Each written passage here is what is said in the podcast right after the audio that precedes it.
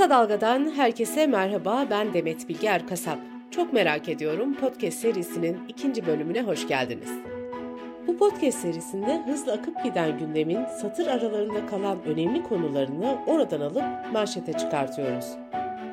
İkinci programda yanıt arayacağım soru şu. Örselenmiş kadın sendromu nedir?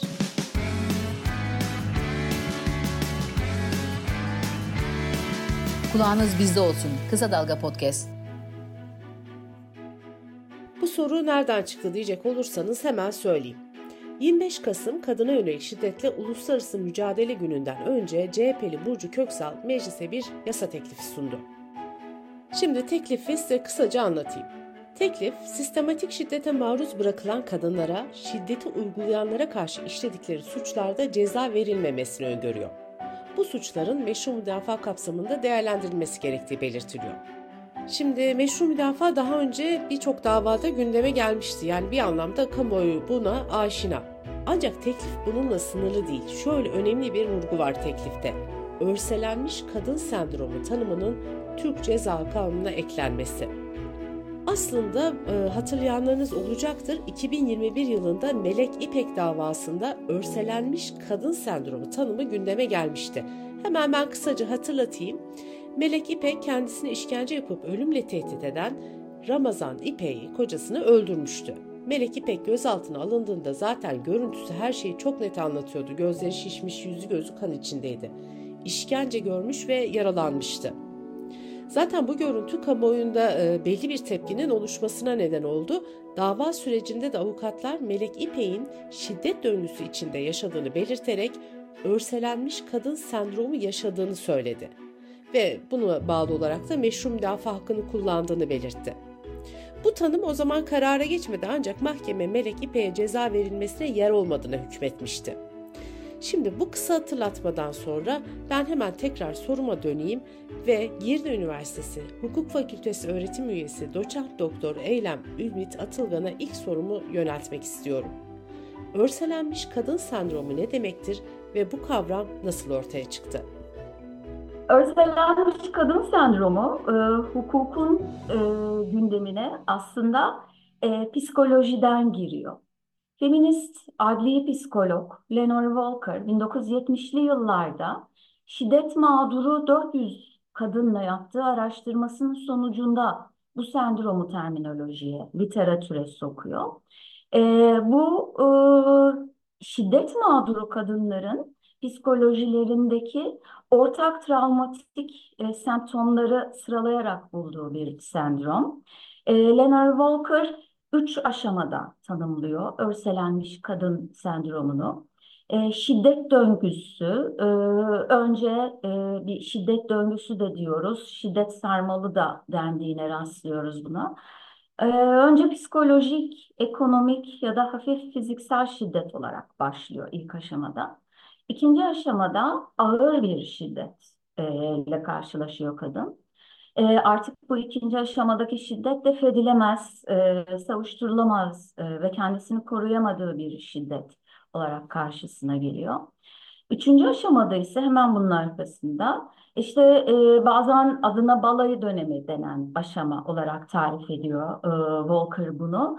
Ama her zaman e, failin af dilediği, bir daha olmayacağını söylediği, özür dilediği e, bir e, balayı aşaması da olmuyor. Bu üçüncü aşamada bazen şiddetsiz dönem dediğimiz dönem geçiyor bir şekilde. Özür dilemese de kadının e, bu şey arasında, döngü arasında e, pişman oldu galiba. Yaptığından e, pişman oldu, vazgeçti, bir daha yapmayacak diye düşünmesini sağlayacak şeyler oluyor.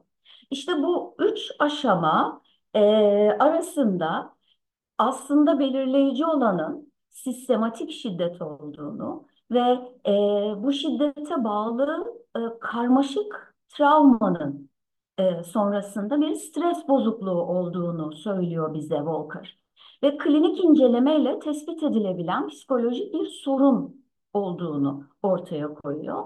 İşte bu öğrenilmiş çaresizliğin de içinde olduğu çok karmaşık duygular. Yani bunlar işte korku, hayatından endişe etme, gelecek kaygısı, özgüvenini yitirme, e, kendini güçsüz ve zayıf hissetme gibi birçok duyguyla kadının pasif kaldığı, pasifize olduğu bir ruh hali tarif ediyor bize. E, aslında e, hukuk gündemine Tam olarak bu adli psikolojiden, klinik psikolojiden geçen bir terminoloji. Şimdi e, şeyi de belki söylemem gerek. E, bunu e, konuşmadan hemen adına örselenmiş kadın sendromu diyerek başlamamızı yadırgayabilirler. E, bazı hukukçular örselenmiş kadın sendromu demememiz gerektiğini düşünüyor veya hırpalanmış kadın sendromu demememiz gerektiğini düşünüyor. E, kötü muameleye maruz kalmış kadın e, terimini öneriyor. Ve bunu önerirken de e, diğerinin örselenmiş kadın sendromunun çok kurbanlaştırıcı, zayıf düşürücü, güçsüz gösterici bir terim olduğunu söylüyorlar. Ben böyle düşünmüyorum. Kötü muamele başka bir şey. E, ve bu burada konuştuğumuz kötü muameleden çok daha fazlası. E, tam tersine burada hırpalanmış bir kadından bahsediyoruz. Ayrıca burada e, kötü, şeyin e, Walker'ın biraz önce o bahsettiğim ilişkinin içindeki döngüselliğin yarattığı öğrenilmiş çaresizlikten bir başka çaresizliği mutlaka hukukun görmesi gerekiyor. Yapısal çaresizliği. Yani kadının e, çaresiz kalması ve bu şiddet döngüsünden ancak öldürerek kurtulmak istemesi. Bunu e, mümkün kılan şey sadece ilişkinin iç dinamikleri değil, güç asimetrisi yani o anda olan ya da olmakta olan, gelecek olan şiddeti defedemeyeceği bir şiddet olarak görmesi ve kendisini koruyacak mekanizmaların bulunmadığını bilmesi. Yani hem toplumsal desteğe sahip değil, toplumsal e, destekleyici mekanizmalara sahip olmadığını bilmesi kadının hem de o ilişki içerisindeki güç dengesinin eşitsizliğinin farkında olması.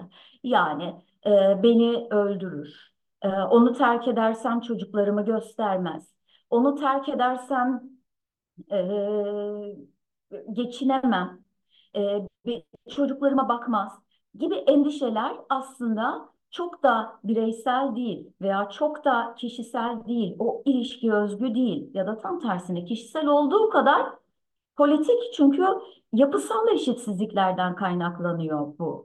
Öldürmeseydi, şiddet e, uygulamasaydı, e, bu şiddetten kurtulmak için boşansaydı diyebileceğimiz bir durumda değiliz e, hele Türkiye açısından çünkü gündemimize TCK'ya eklenmesi yönünde Burcu Köksal'ın, milletvekili Burcu Köksal'ın e, bir girişimi oldu.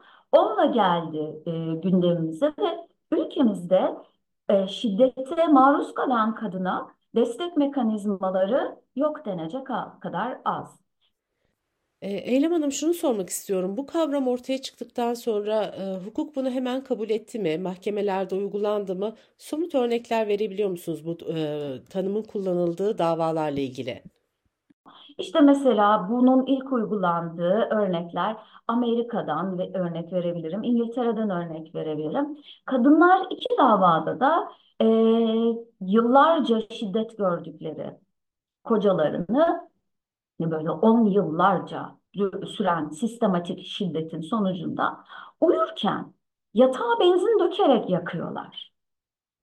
Ee, o çaresizlik ve çıkışsızlıkla o anda veriyor tepkiyi. Şimdi eğer biz meşru savunmanın koşullarında dar ve sıkı bir biçimde ararsak bu koşulları, bu, e, bu davaların hiçbirine işte yemek yerken, adam uyurken, TV izlerken, e, kadının verdiği tepkilere hiçbir şekilde meşru müdafaa demememiz gerekiyor. Oysa böyle değil. Oysa kadınların burasına kadar geliyor. İşte buna şeyde literatürde e, İngilizce'de şeymiş saman dağının üzerine konulan son e, çöp tanesiymiş. Bizim dilimizde de şey bardağı taşıran son damla.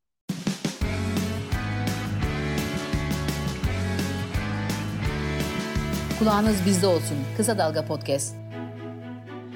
Ee, şimdi Türkiye'de Nevin Yıldırım hatırlayabildiğim kadarıyla Melek İpek, Çilem Doğan davaları hemen geliyor akla. Çünkü bunlar çok gündem oldu ve konuşuldu.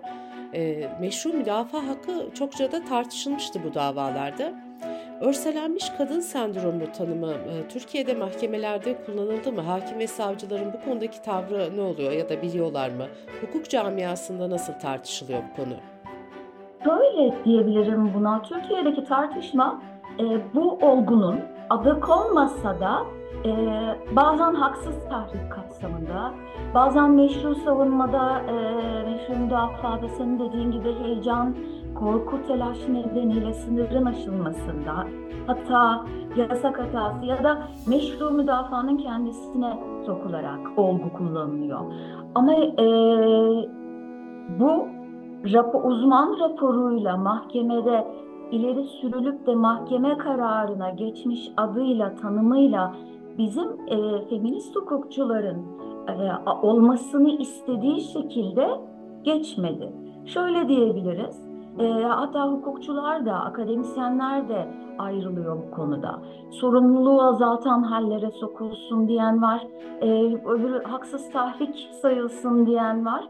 Ama ben de meşru savunma e, içinde olması gerektiğini düşünen hukukçulardanım.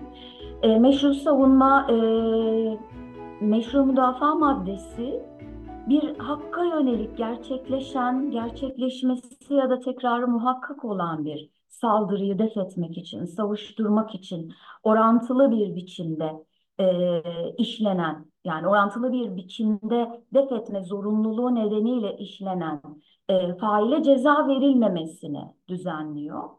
Ceza verilmemesi en adil olanı bu durumda gerçekten.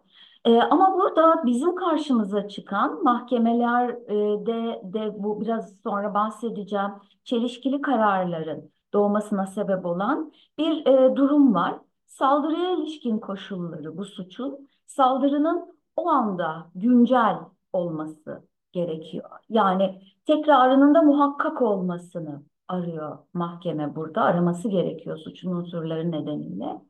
Ve savunmada da savunmanın e, saldırıyla orantılı olması ve savunmanın zorunlu olması yani hani başka hiçbir çaresinin kalmamasını bekliyor. Şimdi bu koşulları çok dar bir biçimde aradığında mahkeme örselenmiş kadın sendromunda bunu göremiyor. Neden? Çünkü e, kanunlar düzenlenirken çok cinsiyet nötr gibi düzenleniyor aslında. Hani bu kanun maddesinde TCK'da cinsiyet yokmuş gibi görünüyor değil mi? Yani bir kadın bir erkek denmiyor gibi. Ama buradaki duygular ve verilen tepkinin anındalığı bizim toplumsal cinsiyette erkeğe izin verilen duygular dediğimiz duyguları düzenliyor. Ee, biz kadınlar gerek fiziksel olarak gücümüzün yetmeyeceğini düşündüğümüz için gerekse o anda o donma anı, tepki vermeme e, ve ürkme, korkma birçok duyguyu bir arada yaşadığımız için biz daha sonra tepki veriyoruz. Yani o anda anında tepki verme, fevri yanıt, kızma, kızgınlık anı, öfke, engellenemeyen işte şey, hiddet gibi duygular bize ait duygular değil. Çoğu zaman toplumsal cinsiyette bu duygular bize yasak, kadınlara yasak, erkeklere serbest. Ama bakıyoruz ki erkeklere serbest olan bu duyguların hepsine hukuk sonuç bağlıyor. İşte haksız tahrik de de sonuç bağlıyor. İşte şeyde de sonuç bağlıyor. Başka e, indirimlerde de sonuç bağlıyor. Ama e, bizim duygularımızla yapılan eylemlere e, patriarka nasıl onay vermiyorsa ve hani kadını haklı bulmuyorsa hukuk kültürü de eril bir hukuk kültürü olduğu için eril hukuk kültürü de buna sonuç bağlamıyor. Ee, kadının açısından bakmak onlara zor geliyor. Yani bir erkek e, bakışı hakim, işte e, hukuk kültürü son derece ataerkil kodlarla ilerliyor. Hakimler bildiklerini düşünüyorlar bunu. Ama bir taraftan da peki ya intikam duygusuyla yapmış olduğunu nereden anlayacağız? Yapmamış olduğunu nereden anlayacağız diyorlar. Ya da boşansaydı niye öldürdü diyebiliyorlar. Bence Burcu Köksal'ın e, önerisi gayet yerinde. Maddede adı geçmeli. Tanınma hakkı var çünkü burada bu kadınların haksızlığa maruz kalmasını. Erkekler duygularına kapılıp kadınları öldürdüğünde indirim veren hukuk, erkek kadınlar kendini çaresiz hissedip kendini yok etmek istediğinde yani yani böylesine bir eylem, hani evini yakıyor, yuvasını yakıyor, eylemine, o, uçurumun köşesine geldiği anı görmek istemiyor hukuk. Ona indirim vermiyor. Onun sorumluluğunun tam olduğunu düşünüyor. Böyle bir cinnet anında bile kadının sorumluluğunun tam olduğunu düşünüyor. Diğer tarafta işte şeyine telefonuna Adil Işık markasının indirim masajı geldi. Ben de Adil Işık'ı bir erkek sandım, gözüm döndü diyen erkeğin duygularıyla hareket etmesinin onun sorumluluğunu azalttığını ve cezasının azaltılması gerektiğini düşünüyor. Hakimlerin burada e, tam olarak e, çifte standart uyguladığını görüyoruz. Kadının açısından bakmadığını görüyoruz ve bunu mutlaka kötüye yorulacak ve delillendirilemeyecek bir şey olarak e, Peki bu cevabınıza e, devamla ben şunu sorayım. Bu sendrom nasıl delillendirilebiliyor? Çok kolay. Adli tıp, adli tıp ve adli psikologların çünkü bu bulgularıyla, semptomlarıyla tespit edilebilen bir e, sendrom. Nasıl e, biz akıl sağlığı yerinde mi raporu alıyorsak, bunun da e, tam böyle e, e, meşru müdafaa maddesini sokularak meşru müdafaa maddesinde örselenmiş kadın sendromu tanımı yapılarak bir tür meşru müdafaa hali olduğunu düzenlenmesiyle adli tıp raporundan e, yararlanılacak ve olayın akışına bakılacak. Gerçekten burada e, kadının devam eden, devam edeceğini düşündüğü bir şiddet olduğunu görecek hakim. Ki nitekim bu ilk defa 2011'de buna en yakına yakın yaklaşan bir kararı Yargıtay veriyor. Ee, Birinci Ceza Dairesi'nin 2011 tarihli bir kararında e, biyolojik babası tarafından cinsel istismara maruz bırakılan bir e, genç kadın evden uzaklaşmasına rağmen bu saldırılar devam ediyor. Evliliği e, sonuçlanıp e, sonlandırılıp aile evine geri döndüğünde de devam ediyor ve bir gün odasına girdiğinde babası yine olacak korkusuyla babasını öldürüyor. E şimdi bu durumda hani o işte şey anı ısrarcı e, devam eden süre gelen çok uzun bir zamana yayılan bir e, şiddet sarmalını Yargıtay gördü kabul etti ve beraat verdi. Ama 2011'den sonra bu içtihat yerleşmedi maalesef. İstikrarlı bir içtihat haline almadı. Bir baktık ki benzer durumlarda e, mahkeme haksız tahrik indirimi yaptı kadınlara. Bir baktık ki hiçbir şey yapmadı, indirim yapmadı. E, sayısız kararda e, savruldu yargı bu konuda.